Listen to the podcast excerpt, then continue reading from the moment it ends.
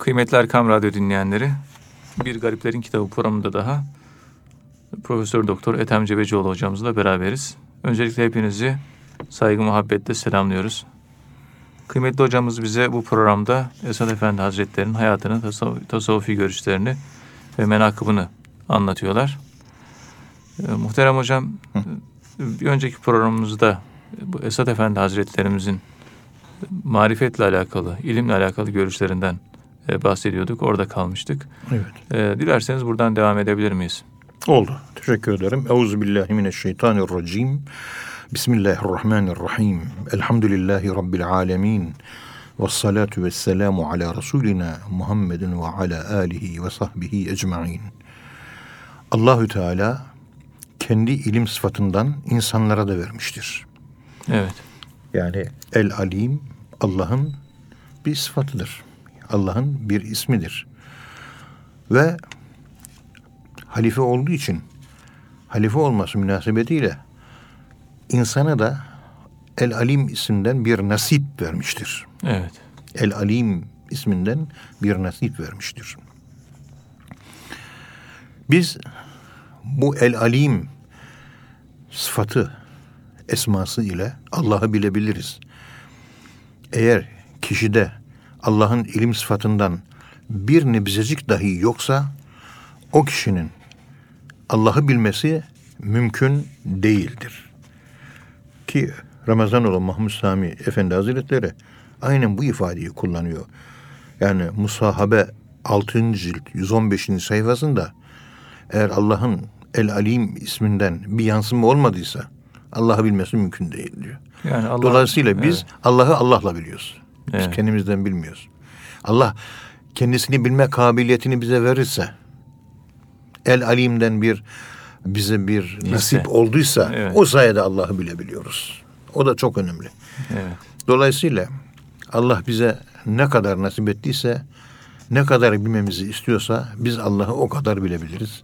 Daha marifetullah konusunda söylenecek fazla bir söz yoktur. Allah'ı Allah'la bilmek. Allah'ı nasıl tanıdın diye soruyorlar. Evet. O büyük zatlardan birisine. Eski selef dönemi sufilerinden birine soruyorlar. Allah'ı nasıl bildin? Allah'ı nasıl tanıdın? Ben Allah'ı Allah'la bildim. Allah kendisini bana ne kadar tanıtırsa o kadar bildim diyor. Evet. Yani nefsine pay çıkarmıyor. Bu da ayrı bir konuşulması gereken Yani incelik. bir lütuf olmuş oluyor. değil mi? Lütuf, Allah'ın lütfu- lütfuyla, lütfuyla, Allah'ı biliyor. Cennete girmek de lütfuyla. Evet. Ve Peygamberimiz bu noktada ma arafnake hakka marifetike ya ma'ruf diyor. Ey bilinen Allah seni hakkıyla bilemedik diyor. Evet. Bunun üzerine çok düşünmek lazım. Peygamberimizden daha yüksek marifet sahibi var mıydı? Yoktu. O dahi böyle söylüyor. Yani Seni hakkıyla. hakkıyla bilemedik diyor. Devam ediyor orada. Ma abednâke hakka ibadetike ya ma'bud. Evet. Ey mabud hakkıyla sana ibadet edemedik. Ve ma şekernâke hakka şükrike ya meşkur. Yani ey kendisine teşekkür edilen Allah. Sana layık ve teşekkür edemedim. İbadetin özü nedir? İbadeti çok ciddi yapacaksın. Yapamadım diyeceksin. O yapamadım işte bu oluyor. Ama hakkını yerine getireceksin.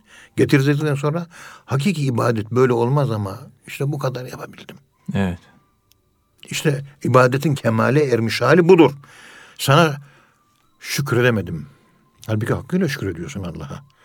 Hayır beğenmiyorsun. Yaptığın şükürlerini, yaptığın ibadetleri ve meydana gelen marifetini beğenmiyorsun. Marifet marifet ama marifet böyle benim gibi bir insanın bu kadar bilmesiyle olacak bir şey değil. Daha ileri bir şey. Ben aşağılarda kaldım diye tevazu işte kulluk bu tevazu, alçaklık, zillet, Allah'ın önünde kendini hiç bilmek. Kulluk diye dedikleri bu. Az- İbadeti, Evet. yaptığınız ibadeti Allah'ın başına kalkmayın diye ayetler var ya Kur'an-ı Kerim'de. Üç kuruşluk ibadet yapıyor, bana cenneti ver diyor, hemen başlıyor. Evet. Bir ibadetin ibadet mi bakalım? Hemen karşılık istiyoruz. Yani. Hemen karşılık bekliyorum. Sana ibadet ettim, bana bir şeyler ver. Cık. Sen vazifeni yapıyorsun. Görev yapıyorsun.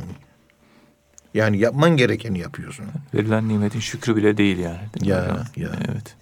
Efendim bir müridine bir dua yapar Esad Erbil Hazretleri. Diyor ki duasında Cenabı Allamul Guyub gayipleri bilen Allah. Kalen bilip de halen bilmeyen güruhundan etmesin. Yani lafta Allah'ı bilip de yaşantısında, iç halinde, kalben, içten Allah'a yabancı olan, dili hep Allah diyor ama kalbi Allah'a yabancı. Bizi bu, bu gruptan etme ya Rabbi diyor. Evet. Yani burada gündeme ne geliyor biliyor musunuz? Şimdi Hazreti Musa Aleyhisselam'ın meşhur anekdotu aklıma o geldi. Hazreti Musa Aleyhisselam Allah'a diyor ki Ya Rabbi diyor çok sevdiğin ve seni de çok seven bir kul bana göster. Evet. Allah falanca yerde işte denizin kıyısında diyor. Çobanlık yapan bir zat var. Onu çok seviyorum diyor. Hazreti Musa Aleyhisselam gidiyor. Bakıyor ki adam elini açmış Allah'a dua ediyor. Ey Allah'ım çorabın sökükse dikeyim. Ayakkabın yırtıldıysa tamir edeyim. Karnın assa şu koyunlarımdan sana süt sağıp vereyim. Elbisen yoksa koyunlarımın yününden sana hırka yapayım. Karnın assa burada bir kebap hazırlayayım. Sen ne istiyorsan vereyim. Ne ihtiyacın varsa yapayım. Bana söyle ya Rabbi. Gözünden yaşlar gelerek böyle dua ediyor. Hazreti Musa Aleyhisselam bakıyor. İslam inanç esaslarına aykırı bir şey. Antropomorfiya var burada. Evet. Yani Allah insan olarak anlatıyor. Yani Öyle insan, biliyor. insana hitap ediyor gibi hitap ediyor. Sanki karşısında bir insan varmış gibi konuşuyor. E, Evet. Bilmiyor adam. O kadar tanımış. Evet. Ama o konuşmasındaki samimiyet. Allah o samimiyete bakıyor. Allah laflara bakmıyor. Bel ila kulubukum. Evet. Allah sizin kalbinize bakar. Şekillere bakmaz. Diyor ben Allah'ın peygamberi Musa'yım. Beni sana gönderdi. Allah seni çok seviyor. Ama bu Allah böyle bir maddi bir varlık değil, insan değil. Sanki sen bir insanla konuşuyormuşsun gibi. Bu yanlıştır. Bunu düzelt bakalım. O da söyle bana. Bana anlat nasıl ibadet edilir? Allah nasıl? Hazreti Musa anlatıyor, anlatıyor.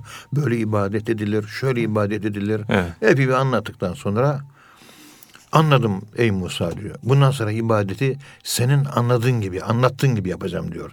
Sana da teşekkür ederim diyor. Hazreti Musa aleyhisselam kucaklıyor, tokalaşıyor. Allah'a ısmarladık diyor, veda ediyor, ayrılıyor. Hazreti Musa aleyhisselam denizin üzerinde yürüyüp gidiyor. Bir süre gittikten sonra bakıyor arkadan o çoban geliyor. O da denizin üzerinde yürüyor. O da kuşak gibi. Ey Musa ne var diyor bağırıyor Hazreti Musa aleyhisselam. O namazın üçüncü rekatında ne okuyacaktım unuttum ben onu diyor. Hazreti Musa bakıyor o da denizin üzerinde. Evet. Eski bildiğin gibi yap devam et diyor. Evet. Yani onu Bu o samimiyet var ya. Samimiyet o ve iç, hal. yani Allah'a olan saygı, o gözyaşı, ihlas, evet. o sevgi, o muhabbet, o arzu, o istek, o vuslat ve vuslat ateşine olma keyfiyet bu. Hani Mevlana diyor ya, insanlar keçi kesmiyor.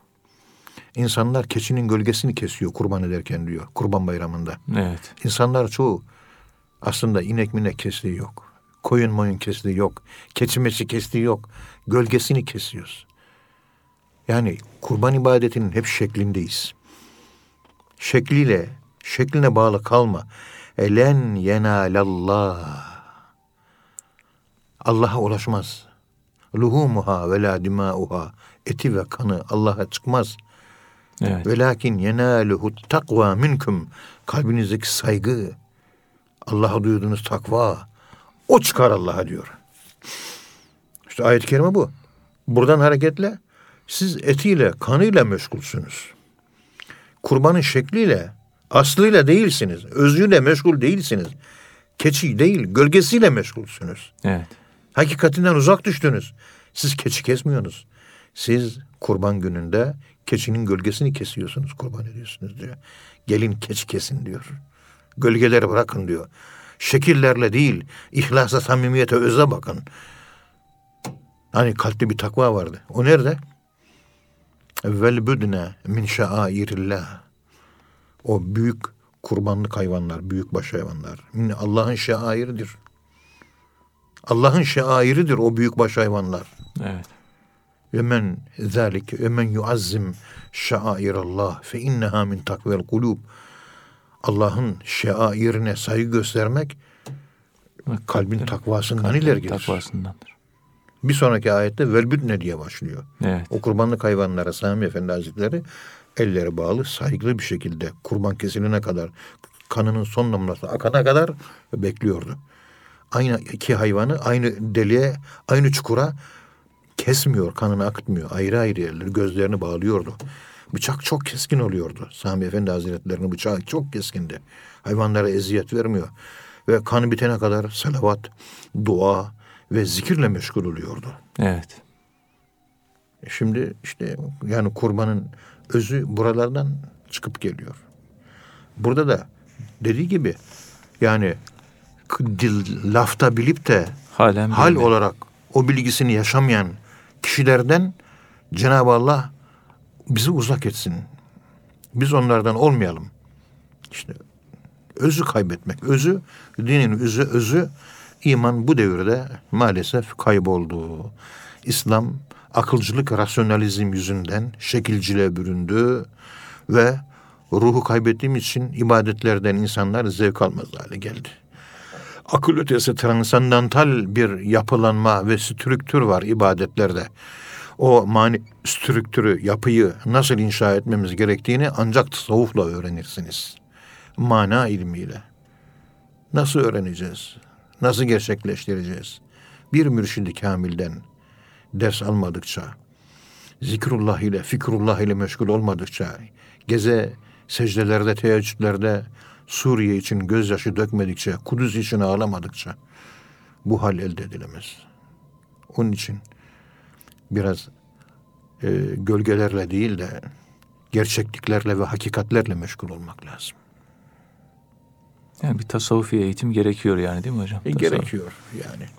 E, tatsız, tutsuz, rasyonalist, akılcı, şekilci bir İslam. Yahudilerin şekilciliği gibi. Aşk yok. Hazreti İsa o akılcı Yahudilerin akılcılığını yumuşatmak üzere aşk üzere gelmiş peygamberdi. Hazreti şeriat getirmedi. Hazreti Musa'nın şeriatını tabi, tabi oldu. Hazreti İsa Aleyhisselam getirdiği muhabbetti. Evet. Yahudilerin yaşantısında aşk yoktu. İşte onların yaşadığı dine, Hz. Musa'nın getirdiği şeriatı yaşayan Yahudilere aşk yani o çorbaya, şeriat çorbasına aşk ve iman tuzu, lezzeti katmaya gelmişti. Yoksa Hz. Musa'ya gelen şeriatın aynısı İncil'de aynen var. Yeni bir şeriat getirmedi Hz. İsa Aleyhisselam. Hz. Musa Aleyhisselam'ın getirmiş olduğu din üzere amel etti. O şeriat üzere amel etti. Ama şekle bağlı bir dinde o şekilden kurtarmak ruh muhtevasını, mana muhtevasını, tadını düzen, düzgün hale getirmek, tatlı hale getirmek, tuzlandırmak. Yani yenilebilir, içilebilir, hissedilebilir, yaşanabilir bir mana dünyası olan böyle bir din olarak bunu ayağa kaldırmak üzere geldi Hazreti İsa Aleyhisselam. Hatta Hazreti İsa'ya gelen İncil İbranice değildi. Aramiceydi. Evet. Çünkü Aramice dili duygusallığa ve o duygusallık, iç seziş, kabiliyet, hal bunları ifade etmek bakımından İbraniceden daha zengin olduğunu söylüyor Ignaz Goldziher. Evet. Hocam Esad Efendi Hazretleri diyor ilim kişinin zühdünü artırması gerekir diyor. Yani zühdünü ve takvasını. Evet. Yani eğer zühdü artırmazsa demek ki bu ilim olmuyor yani Esad Efendi'ye göre. Yani bununla alakalı neler söylenebilir yani? Efendim insanlar bilgisizlik ve cehalet karanlığından ve kötülüklerinden Evet. ve tehlikelerinden kurtulmak için alimlerin ilim ve marifetlerine nasıl ihtiyaç duyuyorsa ahirete de Cenab-ı Hakk'ın ikram buyuracağı nimetleri isteyebilmek için alimlerin ilim ve irfanına başvuracaktır. Alimler el ulema verasetul enbiyai. Alimler peygamberlerin varisleridir. Yani alimler varis olabilmesi için okuduğunu yaşaması gerekir. Yani takva sahibi alim. Ta- takva sahibi olması lazım. Onun için Şeyh Sadi Şirazi Gülistan adlı eserinde alimi bi amel bezemburi maned bi asel ameli olmayan alim bal yapmayan arıya benzer. Bir başka yerde de ilmiyle amel etmeyen alim elinde meşale tutan, elinde fener taşıyan köre benzer. Kendine faydası. Işığı taşıyor ama gözü kör. Hiçbir şey göremiyor. O ışıktan istifade edemiyor. ilminden istifade edemiyor. Bunlar çarpıcı, vurucu Evet. e, anlam logolarıdır. Bunları iyi değerlendirmek lazım. Yani ilim mutlaka amel edilmek içindir. Onun için alime ile amile iki kelime Arapçada aynı harflerden oluyorsa aynı mana verilebilir. Amile bildiğini yaptı. Bildi ve bildiğini yaptı. Alime de bildi yine bildiğini yaptı. Ve hatta yaptığını bildi. Bu manalar karşılıklı birbirine verilebilir. Ayın, mim ve lam harfleri alimede de var, amilede de var. Bunu çok iyi düşünme- düşünmek lazım. Bu da Arapçanın ince, hassas e, böyle ayrıntılarından ve güzelliklerinden birisi. Dil çok zengin çünkü. Alime, amile. İkisi de aynı manada. Evet. Ben biliyorum demek ben öğrendim ve yapıyorum anlamına gelir. Alim demek biliyor ve bildiğini yapıyor. Yapmıyorsa alim denmez. Bilgisayar denilir ona. Kompütür denilir ona. Evet. Teyip denilir. Başka bir şey kayıt cihazı denilir. MP3 denilebilir. Evet. Alim denmez. Bir de ihlas gerekiyor değil mi? Yani hocam ilim, İşte- ilim, amel, ihlas. Evet. İhlas da onun tazı, tadı, tuzu, biberi oluyor. Ve e, dediğimiz gibi o da tasavvufun konusu olmuş oluyor. Evet. samimiyet, ihlas. Yani yaparken böyle kendinden geçerek yapmak. Mesela bir talebem vardı. Odayı temizleyeceğim hocam dedi. Temizle yavrum dedim. Temizledi. Ama üstün körü bir temizlik yaptı. Evet. Daha sonra bir başka talebem. Hocam bir odanızı temizleyeyim dedi. Bir baktım ki dolapların içini, kitapları, yeri, halıyı, duvarları, lambaları, her tarafı tertemiz yapmış. Sandalyeleri silmiş. Efendim söyleyeyim kitaplara düzen getirmiş. Kitapların tozunu almış. içerisini güzel gül kokusuyla kokulamış. Aman Allah'ım ne kadar güzel. Evet. Bu ikinci yapan talebim beni daha çok seviyor olduğunu anladım. Birinci talebe de seviyor ama Evet. işte yaptığı iş neyse o kadar. İşte namazı kılarken ikinci talebenin yaptığı gibi namaz kılarsanız, ciddiye alırsanız, aşkla şevkle yaparsanız o zaman sizde ihlas, iman, kalite, takva, vera var demektir. Üstün körü yaparsanız ona göre işte Yani allah Teala tabii daha çok razı oluyor. e, tabii daha çok razı oluyor. Tabii. Kaliteyle yapıyor işini. Kalite. Evet. Kalitesiz amel değil, kaliteli takva.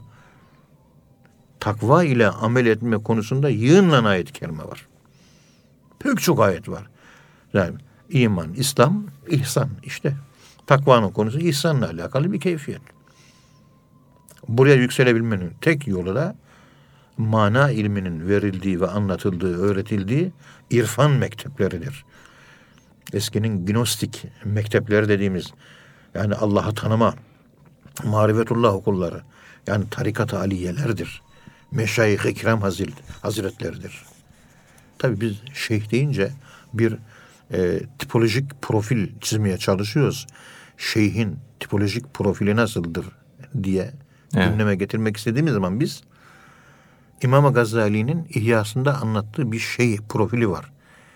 Öyle olursa şeyh şeyhtir. Nasıl hocam? Yani nasıl? İşte Önce ihlası, ihlas. imanı, takvası var. Birinci kural bu.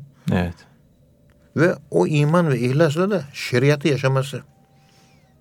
İhsan mertebesinde olması, güler yüzlü olması, alim olması, cömert olması, tatlı dilli olması, insanlara hizmet etmesi, fedakar olması, vefakar olması.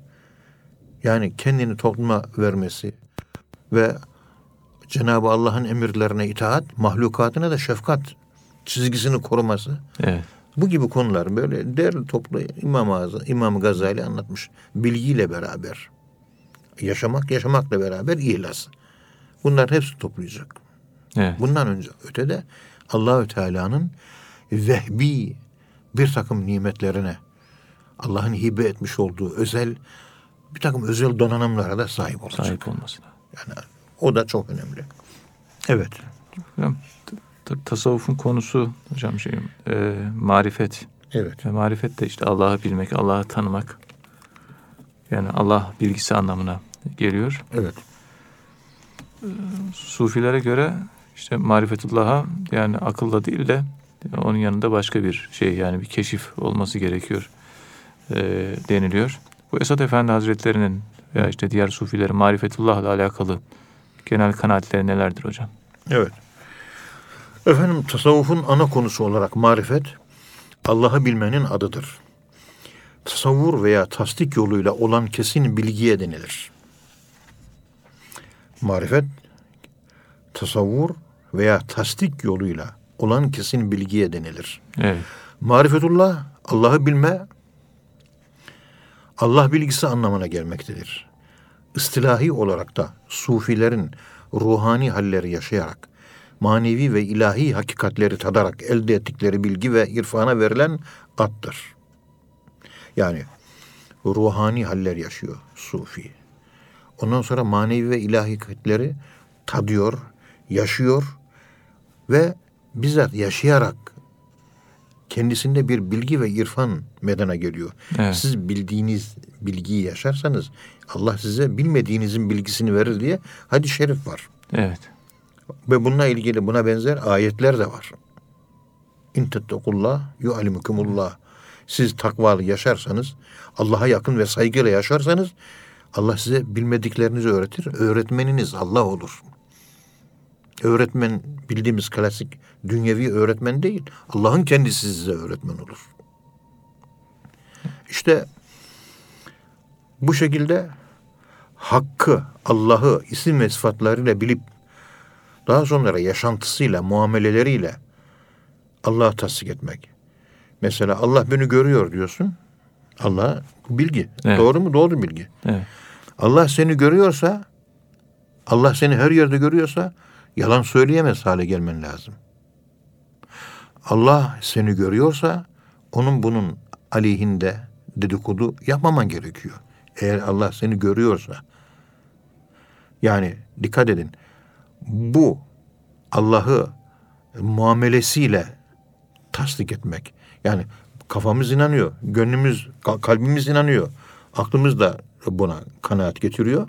Ama bunun neticesi bizde amel olarak ortaya çıkması. Cömertliğe inanıyoruz. Cömertliği düşünüyoruz. Elin cömertlik yapıyor mu senin? Evet. Yani davranışlarınla da kalbindekini ve bildiklerini ve inandıklarını amele dökerek tasdik etmek marifettir.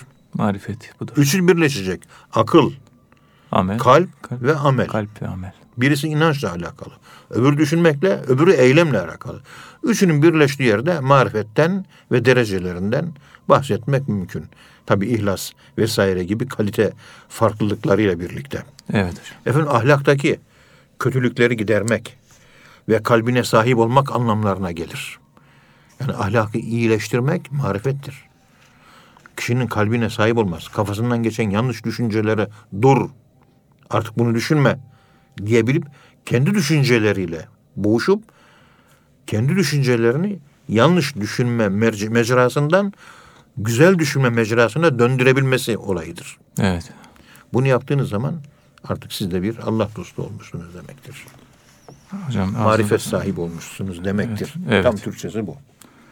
Kıymetli Erkam Radyo dinleyenleri, programımızın ikinci bölümünde tekrar hocamızla beraberiz. Muhterem hocam, bu Hasip Efendi'nin anlatmış olduğu, siz de Hasip Efendi ile e, görüştünüz. E, rahmetli, e, Allah şefaatlerinden ayrı eylesin. Hasip Efendi'den naklettiğiniz bir e, menkıbe var. Biri ağladı, öbürü üzüldü diye. Bunu dinleyicilerimize paylaşabilir misiniz?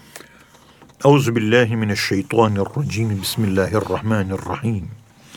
Elhamdülillahi rabbil alamin. Ve salatu ve selamu ala Resulina Muhammedin ve ala alihi ve sahbihi ecmain.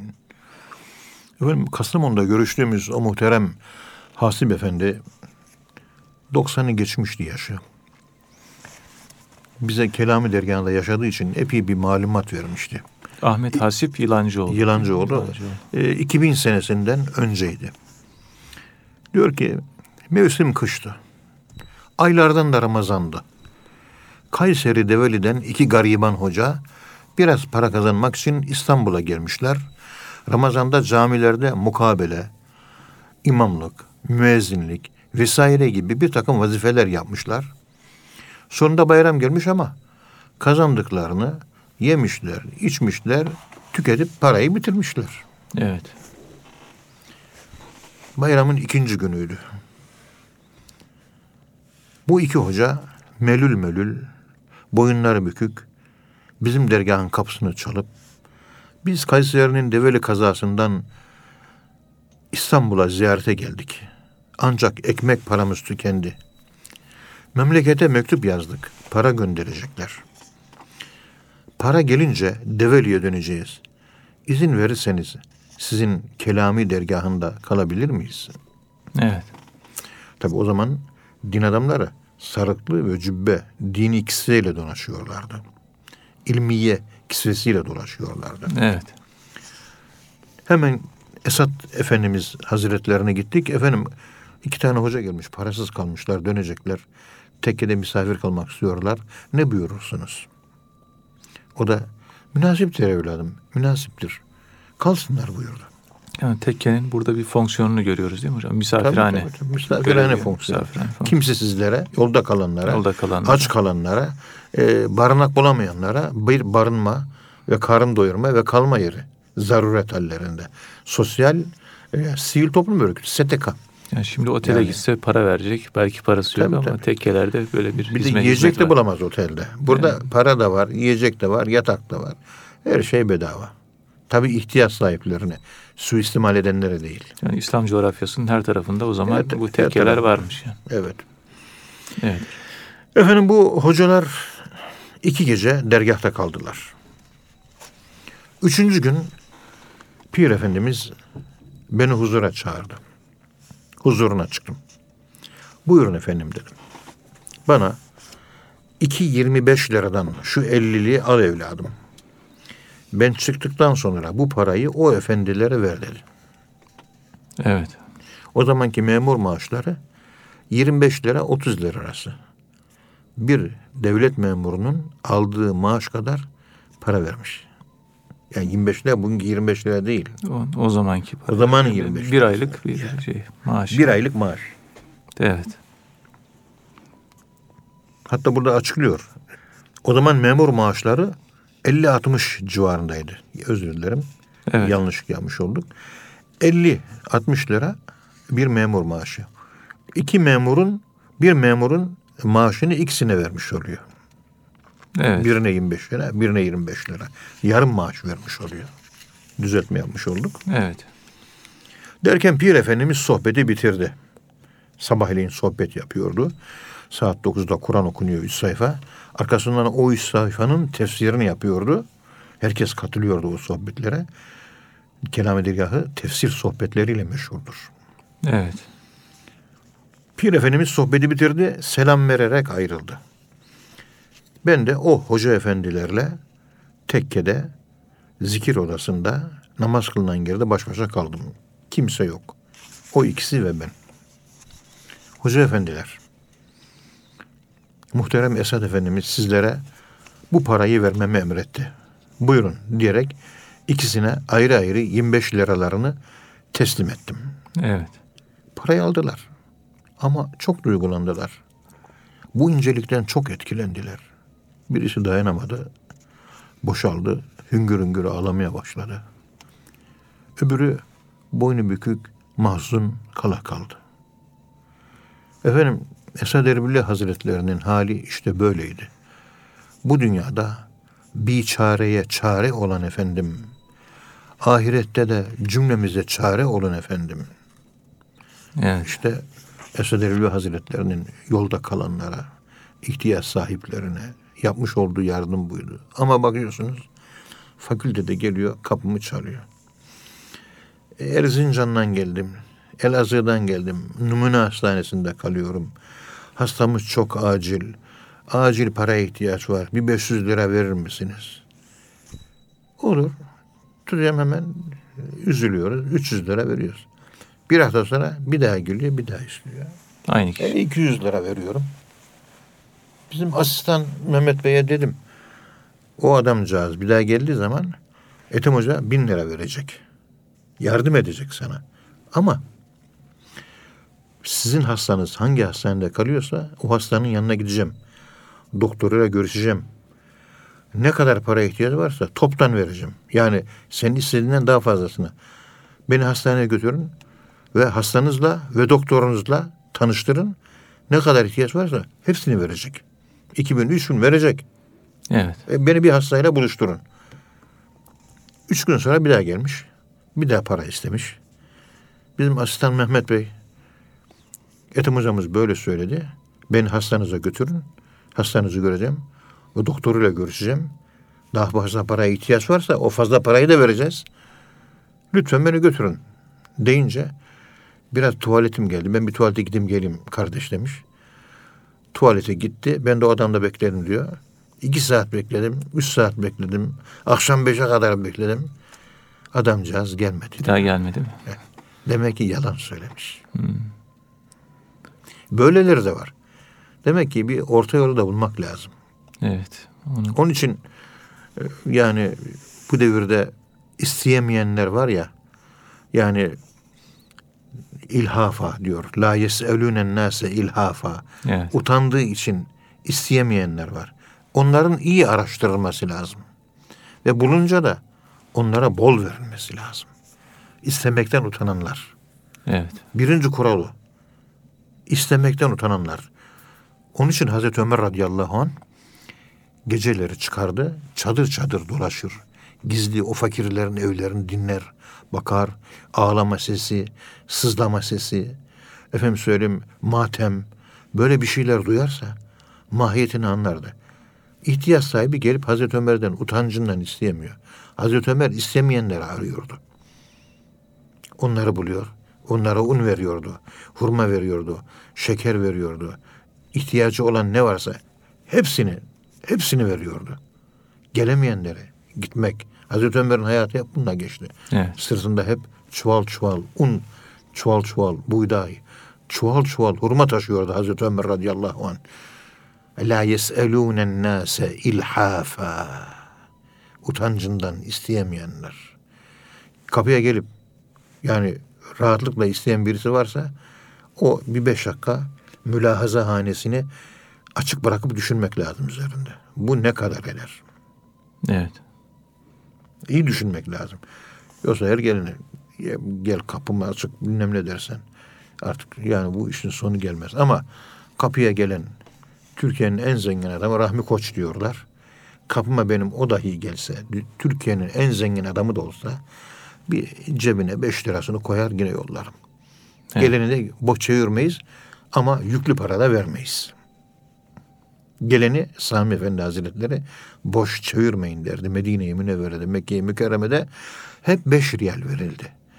Beş riyal ile bir riyaline dört beş tane ekmek alıyorsunuz. Küçük küçük sandviç ekmek.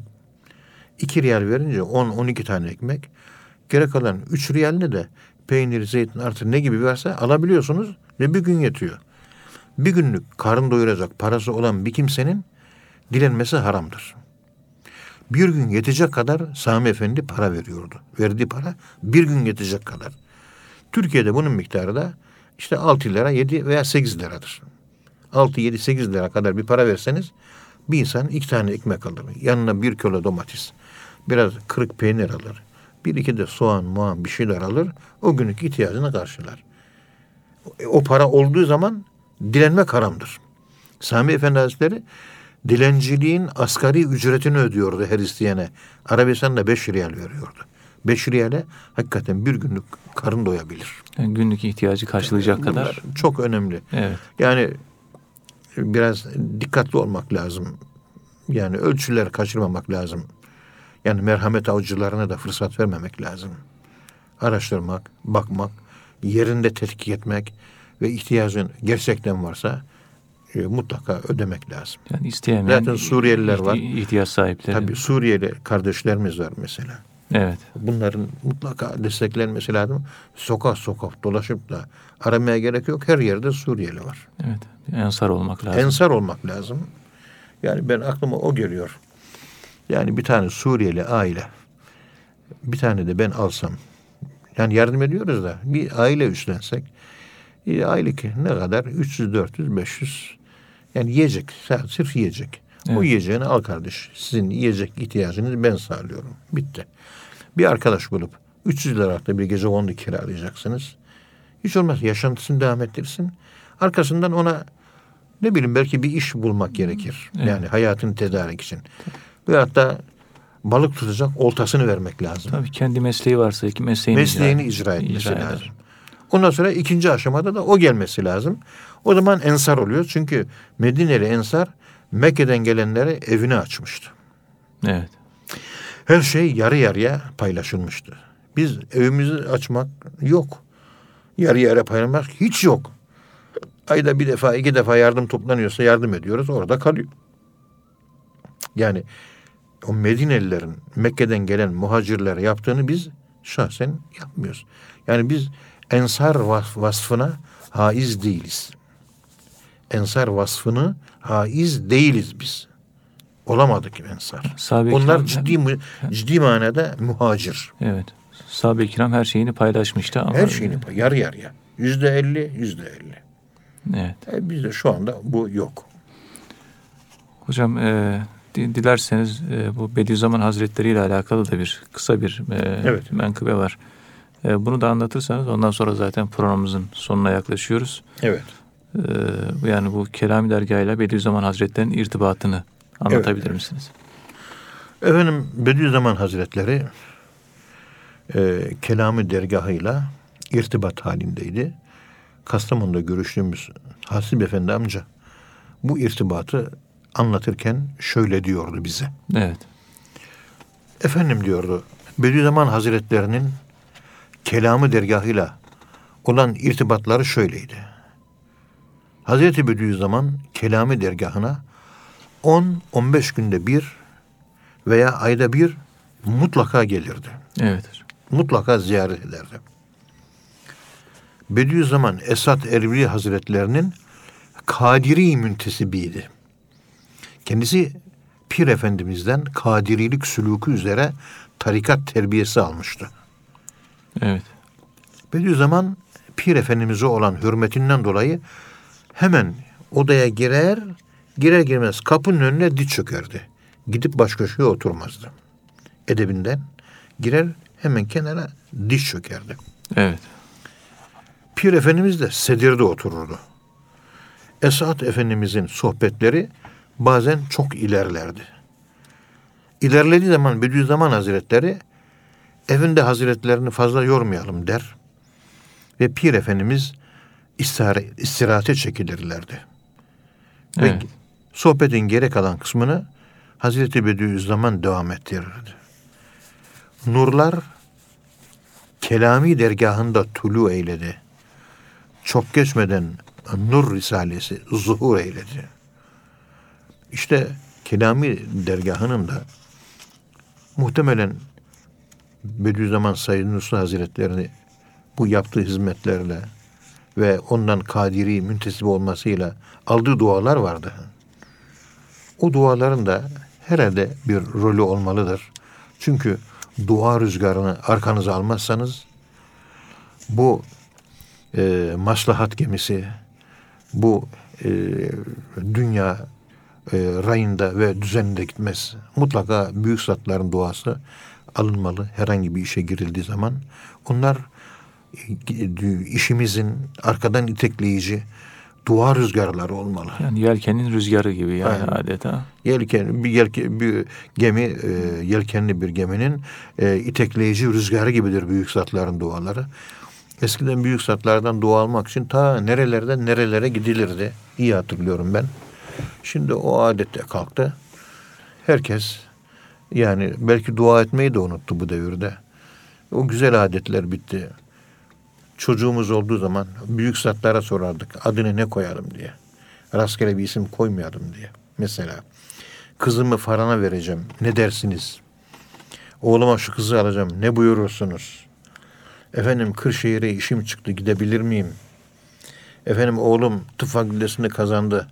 Orayı mı Gazi tıbbı mı yazalım, Hacettepe tıbbı mı yazalım? Sorarlardı eskiden. Şimdi herkes internet sayesinde çok iyi biliyor.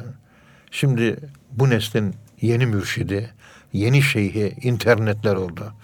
Sağa sola gitmeye lüzum yok. Alışverişini bile online hazır olarak adresine getirtiyor ve yapıyor alacağı malı. Öyle değil mi? Evet hocam. Her- Maalesef de her şey ters, takla, her şey eski minval üzere değil. Yani olması gereken rayda değil. Her şey darmadağınık oldu. E bir entropi var. Sosyo entropi. Yani içtimai dağınıklık, parçalanmışlık. Hiç kimse adresini bilmiyor. Neyi, nerede, ne yapacak? Oturma nasıl olur? Kalkma nasıl olur? Sohbet nasıl olur? Misafirlik nasıl olur? Konuşmanın edebi nedir? Dinlemenin edebi nedir? Eskiden güzel bir sohbet için dinleyen kulaklara ihtiyaç. Bu dinleyen kulaklar vardı. Şimdi dinleyen kulakları bulamıyoruz. Sohbetin güzel olmazsa dinleyen kulaklara da bağlı. Dinleyen kulak olmaysa olmayınca sen ne anlatacaksın? Dinlemiyor adam. Onun için sohbetlerimde her yere gittiğimde sahabe böyle otururdu. Etteyyat pozisyonuna alın. Hiç kımıldamayın. Hutbe nasıl dinleniyor? Namazın ettiyatısındaki gibi dinleniyor. Kitapları böyle yazıyor. Evet. Sohbet de o cuma hutbesindeki imamın okuduğu hutbede o hutbeyi dinleyenlerin oturduğu gibi ettiyatı pozisyonda önüne bakacaksın. Yandakine sus dersen lağvetmiş olursun. Fakat laga diyor hadis-i şerifte. Orayı buraya kaşımayacaksın. Kımıldamayacaksın. Gönül alemine ineceksin. Ve ilim duymakla başlar.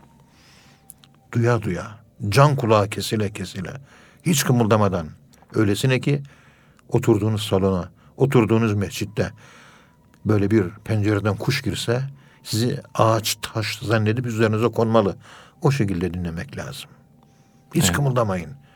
Tam böyle bir tefekkür, tam bir temkin hali, tam böyle bütün antenlerinizi açıyorsunuz. Her geleni sessizce alıyorsunuz, alıyorsunuz. Şuur altına subliminatif mesaj olarak hiç kımıldamadığınız için gelen mesajlar direkt sizin şuur altı yapılanmanızı oluşturuyor. Gelen ayettir, hadistir, hikmettir, güzel sözdür. Bunlar seni yapılandırır. Ama insanlar bugün maç izlerkenki huşuyu namazda bile gösteremiyorlar. Maçı izleyen adama bakıyorum. Namazdaki benim huşuma benziyor. Pür ben dikkat. o huşuyu evet o huşuyu ben namazda göstermeye çalışıyorum. Futbol severler de maçı izlerken gözünü bir an oradan ayırmıyor. Ben de namaz kılarken gözümü bir an Allah'tan ayırmıyorum. Evet. Savrulduk gittik. Yani bindik alamete, gidiyoruz kıyamete. İnşallah düzelir hocam. Yani, muhterem hocam programın da e, sonuna geldik. E, kıymetli dinleyenler e, bir programın daha sonuna geldik. Hocamıza çok teşekkür ediyoruz. E, bir sonraki programda tekrar buluşmak ümidiyle hepinizi Allah'a emanet ediyoruz. Hoşçakalın efendim.